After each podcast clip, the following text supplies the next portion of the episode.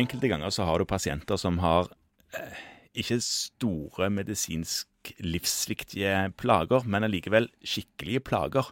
Ja. Som du ikke får behandla. Du kommer liksom ikke i mål. Jeg hadde en for noen år tilbake som klødde.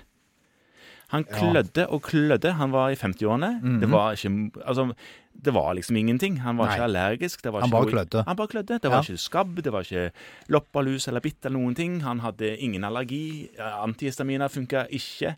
Vi hadde sånn klibad. Eh, Ja. ja, sånn fra gamle dager hvor han hadde kli i en pose og hadde det i badekaret, sånn som man holdt på med når vi gikk på doktorskolen Christian, og på gamle Rikshospitalet i Oslo, Ja. med Ole Fyrran og de gamle badekarene der. Så ut som et polsk sånn eh, kurbad. ja. Ja, Men poenget var at vi kom ikke i mål med han her. Nei, han klødde fortsatt. Og til slutt så ga jeg han Albyl E. Ja vel. Ja, fordi det er beskrevet Hadde han blodpropp, eller? Nei, og han hadde ingenting av det i familien heller. Sånn at uh, dette var jo et forsøk på å prøve å kløstille han, fordi at jeg hadde fått med på et eller annet sted at lav... Eller egentlig acetylsalicylsyre enkelte ganger kan være kløstillende. Og vet du hva? Det hjalp iallfall nok til at han sov bedre og fikk et levelig liv. Aldri lest om at Albyl er godkjente bruk mot kløe. Nei, men har du aldri brukt medisiner som ikke er godkjent for det du gir det for? Det er noe helt annet. Ja. Og nå er du vel inne på det du kanskje egentlig vil snakke om i dag. Jo, men det var en fin intro. Veldig fin. Ja. Eh, og det er at vi bruker medisiner utenfor godkjent indikasjon, eller såkalt off-label. Off-label-bruk, ja. Ja. Eh, det sto det akkurat en artikkel om i tidsskriftet nå i, i spillende stund, og det var en god påminnelse. Ja. Fordi at i mange sammenhenger så tror jeg at både du og meg og mange av oss, vi bruker medisiner uten egentlig å tenke over at det er off-label-bruk. Man trenger ikke være så eksotisk som acetylsalicylsyre mot kløe. Det er mer normale eksempler enn det. Metformin mot PCOS, eksempel.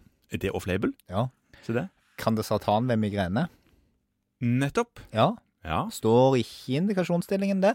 Og da er det sånn at hvis man går inn og leser felleskatalogteksten, Ja. så står det der hva dette er godkjent for. Og det er fordi at staten da, eller det europeiske legemiddelverket, har sagt at dette er trygt, det er dokumentert at det har en effekt for dette, og det er trygt for dette. Og produsenten tar liksom et særlig ansvar når pasienten Da har produsenten lagt fram dokumentasjon for at dette er en forsvarlig og indisert bruk. gjort studier som viser det. Svære studier, koster masse penger. Og Ja. så er det sånn da at av og til så finner man av ymse årsaker ut at det virker for andre ting òg. Ja. Ja. Altså, når det gjelder medisiner som virker for andre ting, så er jo det en endeløs historie. Altså, du har en av de gode, gamle sakene vi har der, er jo trisyklisk antidepressive amitriptylin. Amitriptylin. Ja. Ja, det som man noen ganger kan gi til folk som har vondter, og man kommer ikke i mål med vanlig smertestillende. ja, nå bruker vi det jo primært mot det. Ja, for det, det er så gammelt at vi bruker det ikke som eh, depresjonsmedisin lenger. Ikke sant. Men der, hvis man leser teksten der, så står det jo nå depressiv lidelse, nevropatisk smerte, behandling av kronisk spenningshodepine, profylaktisk behandling av migrene. Dette var indikasjoner som ikke var der i starten. Og så er det sklidd over. Etter hvert som det har kommet fram dokumentasjon på dette. Ja. Sånn at denne utviklingen er egentlig veldig positiv. Vi kan få tak i billige medisiner for dette, og mange produsenter av medisiner finner jo òg nye virkeområder og dokumenterer de etter hvert som medisinen har vært på markedet. Men det vi skal huske på, er at når du sitter da og gir en behandling til en pasient som ikke, der denne medisinen ikke er forhåndsgodkjent Ja. for den problemstillingen, Ja. så påtar du deg et særlig ansvar for at dette er trygt og forsvarlig. ja må, du, må du følge opp litt ekstra og spørre hvordan går det? Må du journalføre det, eller burde du det? Du bør alltid følge opp Jo, men mer enn og spørre hvordan det går. Men jeg tenker at mer enn vanlig så bør man være kritisk til både virkninger og bivirkninger. Nettopp. Eh, særlig fordi at du da er over i en pasientgruppe, kan være, som denne medisinen ikke er utprøvd for. Mhm. Og så kan det jo være greit da at noen ganger så vil du være i den situasjonen at det er ikke godkjent for dette, i henhold til felleskatalogteksten, men det står allikevel i en eller annen internasjonal retningslinje. Uh, og da er du på en måte litt tryggere, for da er det et svært fagmiljø av noen med veldig store hoder som har sittet og sett på all mulig dokumentasjon, og tenkt at dette er trygt og lurt. Da er jo det fornuftig, Mm. selv om godkjenningen ennå ikke er søkt. På den Forstår. måten så har vi noen ganger fått billige medisiner også, fordi at disse medisinene kanskje er godt av patent, og produsenten har ikke noe ønske om å drive ekstremt dyr forskning på det. Jeg forstår. Men den dokumentasjonen som foreligger fra andre situasjoner, fra real life-studier osv., viser at det har effekt. Vi har en sånn sak nå der Gina, som er disse som lager sånne astmaanbefalinger, Ja. de kom jo med revisjonen sin nå i, i, eh, i høst, etter sommeren 2019.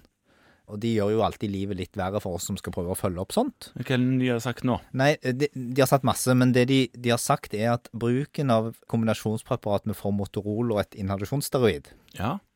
eh, som det finnes en del av på markedet Som i utgangspunktet ikke egentlig er en astma... Jo, det er en, Formoterol er jo ikke en astmamedisin, men i kombinasjon så er de jo brukt på steg tre Ja. i stigen. Men ikke for disse én og to-gruppene? Nei, for i gruppe 1 og 2 så sier de at der er det nå godkjent ved behov. Ja. Ved behov. Ja, kun ved behov. Ja. Vi snakker mer om det en annen gang. Men det som er interessant, er at medisinen har ikke godkjenning for det isolert sett. Så i felleskatalogen så står det ingenting om astmatikere? Jo, det står om astmatikere, men, Men ikke i den gruppen? ikke i den gruppen. Nei. Eh, Kun som fastbehandling. Og der er det da altså sånn at du da har en medisin som er anbefalt brukt, men ikke indisert brukt. Mm. Da vil du erfaringsmessig stå noe sterkere hvis det skulle skje noe. Sjansen er jo liten for at det skjer noe, men, men det kan være greit at man er seg bevisst når man skriver ut noe utenfor indikasjon, og hvem det er som har foreslått at du skal gjøre det. Ja. At det ikke er noe som sto i dine egne notater. ja, ikke sant. Det å finne ting i dine egne notater er alltid litt eh, skummelt. For du, du vet jo ikke hvor du har det fra, om du har hørt feil, eller Ja, om det er gammelt og utdatert kunnskap, eller hva det måtte være. nei. Sånn at husk på at det er helt lov å skrive ut masse medisiner utenfor indikasjon, Aha. men du påtar deg et særlig ansvar, og mye av det driver man nok med uten at det har så veldig stor effekt. Og da skal man være litt ekstra kritisk. Greit. Off-label, altså.